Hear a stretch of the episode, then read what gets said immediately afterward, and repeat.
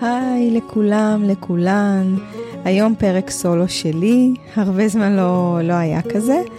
אה, הבוקר החלטתי להקליט אה, פרק, פרק על המעבר לחינוך ביתי, אבל על המעבר לחינוך ביתי ברוח התקופה. קורונה כן, אבל uh, יש את הנגיף עצמו, ויש את ההשלכות שלו על החיים שלנו. גם מי שסבור שלא קיים נגיף, או אפילו מי שמאמין בנגיף אבל לא כל כך חושש ממנו. מה שמשותף לכולנו זה המציאות שהתעצבה אה, לרגלי הנגיף בדמותו, מה שנקרא, המגבלות, השינויים וכולי. וחלק מההשלכות של זה זה באמת אה, פנייה של הרבה משפחות לחינוך ביתי. אני לוקחת אותנו שנה וחצי אחורה, אי שם מרץ 2020, סגר, כולם בבית עם הילדים, המון אי ודאות, זמן עם הילדים בבית. זה ממש לא היה חינוך ביתי. אפילו הקלטתי פרק שקראתי לו, זה לא חינוך ביתי, מי שרוצה יכול להאזין ולהבין יותר למה התכוונתי, אבל ההשוואה בין סגר לבין חינוך ביתי חוטאת למהות של החינוך הביתי. אבל זה לא מה שרציתי לדבר עליו היום. אני יודעת שהתקופה הזאת עשתה הרבה מאוד דברים, ובעיקר מה שאני בטח אה, אזכיר בו, אתעכב עליו היום, זה אבני היסוד שזזו בתקופה הזאת בכל כך הרבה מובנים.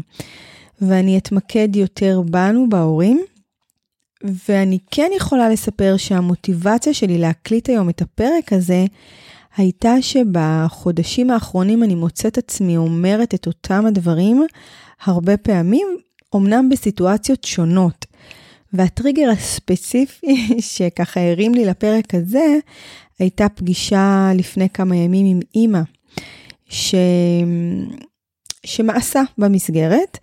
היא, היא רצתה חינוך, היא רוצה לעבור לחינוך ביתי, היא לא רוצה לוותר על העבודה שלה, העבודה שלה היא די תובענית, היא גם מרוצה מהצהרונים, אבל היא לא רוצה בית הספר. אני מספרת את זה כי זה לא מקרה בודד. יש המון משפחות שנמצאות בסיטואציה הזאת. כמובן שכל משפחה עם הסיפור שלה, זה תמיד נכון. אבל מה שמשותף בין חלק גדול, לפחות, של המשפחות, זה הרצון להשתחרר מבית הספר. בחלק מהמקרים זה קשור לנסיבות אקטואליות, מסכות, לחץ מהחיסונים, בידודים תכופים, אפילו הפחד מהנגיף עצמו, הפחד לחלות. ובחלק אחר של המקרים, אה, וזאת אני חושבת אחת מהתופעות של התקופה, ההורים הפכו להיות הרבה יותר מעורבים בחיי הילדים והשאלות עולות מעצמן. אה, מה הם לומדים, איך הם לומדים, שאלות לגבי התנאים בבית הספר, שאלות על החלק החברתי, ואפילו שאלה גדולה לגבי הנחיצות של בית הספר עבור המשפחה הספציפית שלהם. פתאום ההליכה לבית הספר היא לא מובנת מאליה. פתאום לגיטימי להניח סימן שאלה גדול, כמו שאמרתי קודם, על הנחיצות של המסגרת עבור הילדים שלי, עבור המשפחה שלי. כל משפחה עם, ה, עם התא שלה, כן? ואלו אבני היסוד שזזו. אלו השאלות שהרבה לא היו עוסקים בהם אם העולם לא היה עוצר לרגע. וזה מעלה לי עוד סיפור לא יודעת אם הוא יהיה מאוד רלוונטי, אבל הוא, הוא עולה לי עכשיו וחשוב לי להזכיר אותו בהקשר הזה. לפני שבוע, אולי קצת יותר כבר, ימים עם החגים הכל מתבלבל, פנתה אליי אימא לילד גדול. הוא עכשיו התחיל אה, כיתה ט'. היא במקצוע של המתמטיקאית, בהכשרה שלה היא מתמטיקאית, היא עובדת עכשיו בחברת הייטק, לא חשוב, והפנייה שלה הייתה דחופה, היא רצתה להיפגש מיד, היא רצתה בהול. ונפגשנו. אה, אחד הכאבים הכי גדולים אה, שהיו לה, זה שאני אגיד את זה במילים שלה, היא אמרה, החשיבה המתמטית המקולקלת של הבן שלי. אז אה, ניסיתי קצת להבין למה היא מתכוונת כשהיא אומרת החשיבה המתמטית המקולקלת. היא סיפרה שהילד שלה לא יכול היה לשאת את הלימודים בזום בשנה האחרונה, היא לקחה על עצמה את לימודי המתמטיקה, והיא תיארה איך היה קשה לה ללמד אותו. אמ, לטענתה התקבעה לו איזושהי חשיבה מסוימת והוא לא הסכים לקבל דר, דרכי פתרון אחרות, לא חשוב הסיפור, כל הפרטים, מה שכן, שהם עשו עבודה מאוד יפה והוא מאוד התקדם. היא גם ציינה שעד תקופת הקורונה הילד הזה היה פעמיים בשבוע אצל, פרטי, אצל מורה פרטית במתמטיקה. בכל מקרה, מה ששבר את אותה האימא, מה שהקלף הזה שמוטט את כל המגדל, היה שחזרו עכשיו לבית הספר. הוא עבר בשבוע הראשון איזשהו מבחן מיפוי, אה, בית הספר אצלו החליט אה, לעשות איזשהו, לעשות איזשהו מבחן מיפוי כדי באמת לראות איפה התלמידים עומדים אחרי השנה המטלטלת הזאת. אה, והבן שלה נכשל בבחינה. היא ביקשה לראות את הטופס, זה היה היום שהיא התקשרה אליי, ו, ומה שקרה הוא שהיא, שהבן שלה ניגש למבחן והציע פתרון אחר לתרגילים, לא מהפתרונות ולא מהדרכים שלמדו בבית הספר, וזה לא היה מקובל על המערכת. אני מספרת את זה לא כדי חלילה להשמיץ לא את בית הספר, לא את המורה, אפילו לא את רכזת המתמטיקה, אפילו לא את תוכנית הלימודים במתמטיקה. אני נותנת את הדוגמה הזאת, כי היא דוגמה אחת לאימא אחת שנפקחו לה העיניים לגבי משהו שחשוב לה. יש המון דוגמאות מהמון, כמעט מכל תחום בעניין הזה. זה פשוט היה לי טרי כזה וקל היה לי להביא את זה, אבל אני מנסה לחשוב על עוד דוגמאות, זה תוכל להיות אימא שאחרי ארבע שנים עם ריטלין, הילד שלה לא צריך יותר, והיא חוששת להחזיר. זאת יכולה להיות אימא שהתקפי החרדה של הבת שלה הצטמצמו באופן אה, ניכר, נגיד, והיא חוששת להחזיר. וזאת יכולה גם להיות האימא שגילתה שהבת שלה קמה יקיצה טבעית בתשע, וכל היום שלה נראה אחרת. היא ממש תיארה לי אז איך האישיות של הילדה שלה השתנתה. אה, וגם האימא שזיהתה במקרה הפרעת אכילה בשלב מתקדם אצל הבת שלה, רק כי הם היו בתקופת הסגר הרבה ביחד, ועכשיו היא חוששת להתרחק.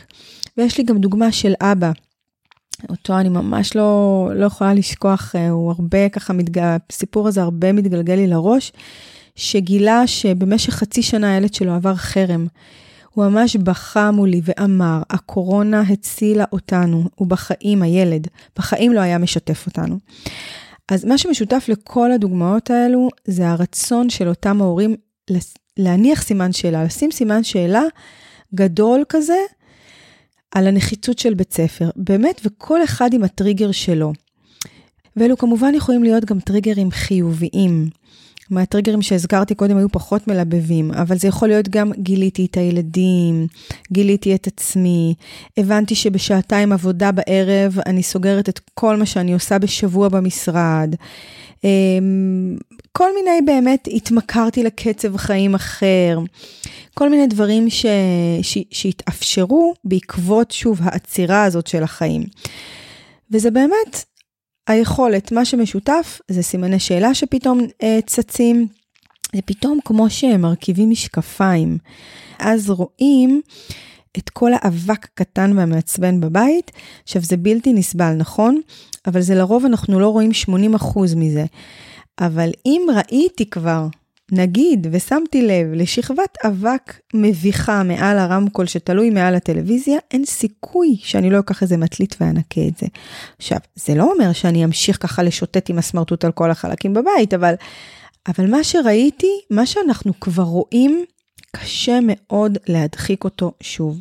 ואני חושבת שזה מה שקורה להרבה מאוד הורים בשנה האחרונה. רגע לפני שאנחנו נמשיך, אני חייבת לאזן ולהגיד שיש גם הרבה קולות הפוכים.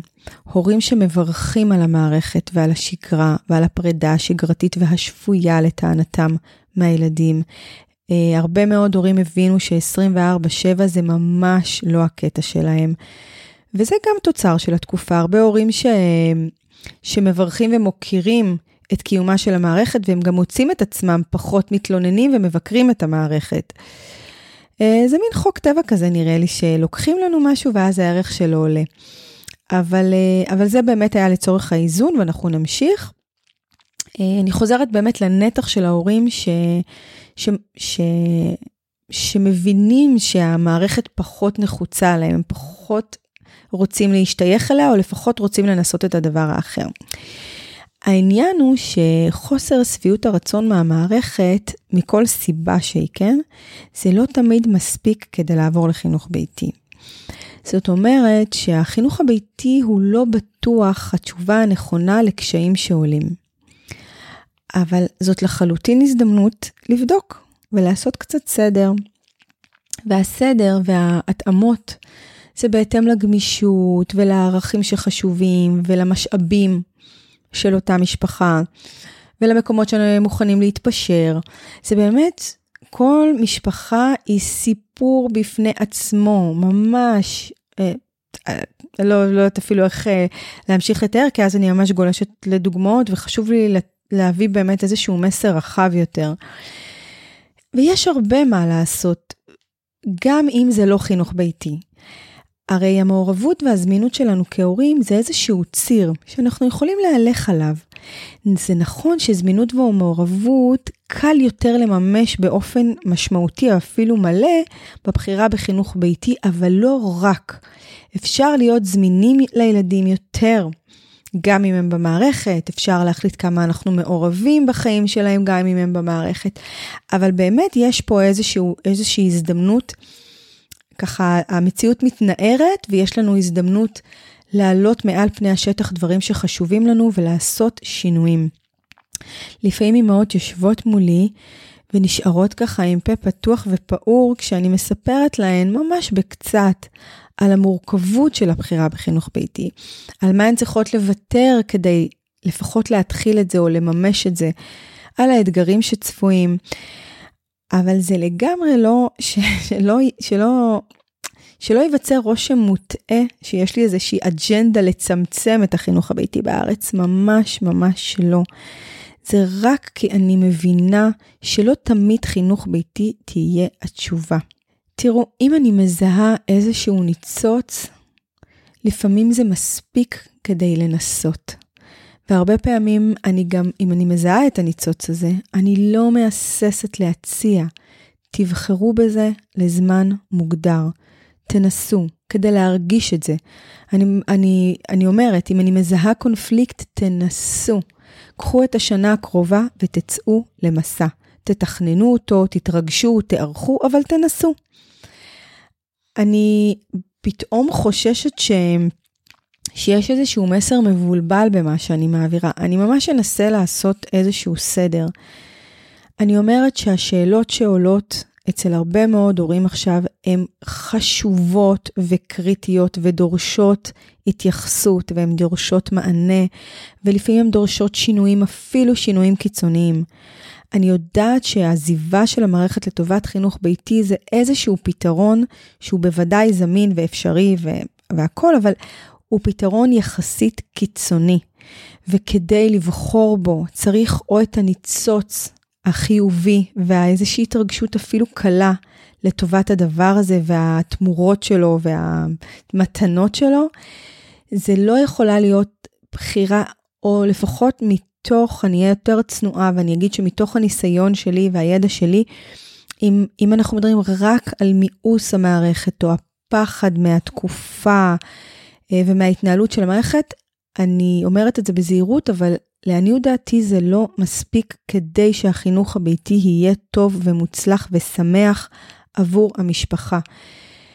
ואני כבר ישבתי מול משפחה שאמרה לי, או זוג הורים שאמרו לי, נכון, זה לא מושלם החינוך הביתי, זה לא מה שהיינו רוצים, זה לא מה שהיינו בוחרים בזמן רגיל, אבל בזמן הזה שהמערכת השתגעה לגמרי, זה פתרון פחות גרוע בשבילנו. וזאת גם אפשרות, אבל מבחינתי ברגע שרואים את הדברים בעיניים פקוחות ובוחרים בחינוך ביתי, גם מתוך פשרה לגבי ההיצע שיש כרגע, זה בסדר. אז אם אני צריכה לסכם, אני אגיד שאם יש ניצוץ, אם יש מחשבה, קחו שנה ותנסו. לפעמים לגדר את הזמן זה נותן אה, שקט. בדיוק היום הייתה לי שיחה עם חברה טובה ש, שדיברנו על זה, שהגבולות מאפשרים אה, חופש מאוד מאוד גדול. אז תגדרו לכם את השנה הקרובה, אם זה מה שאתם רוצים, מכל סיבה שהיא, וצאו למסע. וקחו איתכם למסע הזה כל מה שעושה לכם טוב. יש הרבה הזדמנות בתוך המסע הזה, וזה חלק מהדברים שאני מדברת עליהם ועוסקת בהם, אז אתם מוזמנים לקבל השראה ממשפחות שעושות את זה, ולהיכנס, ולהיכנס לתוך uh, קבוצות um, וואטסאפ, קבוצות פייסבוק של משפחות שעושות את זה. um, וגם כל משפחה זקוקה למשהו אחר. יש משפחות שדווקא במעבר לחינוך ביתי זקוקות להרבה מאוד uh, התבודדות ושקט. תזהו מה טוב לכם, תזהו מה נכון לכם, ותצאו לדרך. אני כאן, אם יש שאלות, אם יש התלבטויות, אתם מוזמנים לכתוב לי. אה, אני יכולה לאחל לכם לפסוע בצעדים קטנים, זה יותר אפשרי ככה. אני מזמינה אתכם להאזין לפרקים הנוספים והנפלאים שהפודקאסט הזה מציע. יש שם המון מידע והשראה. לאחרונה גם הוצאתי כמה סרטוני יוטיוב קצרים. תחפשו דוקטור אימא או דוקטור ענבל כהן מידן, שניהם זה אני. ותודה שנשארתם איתי עד עכשיו, ואנחנו נתראה בפרק הבא. ביי.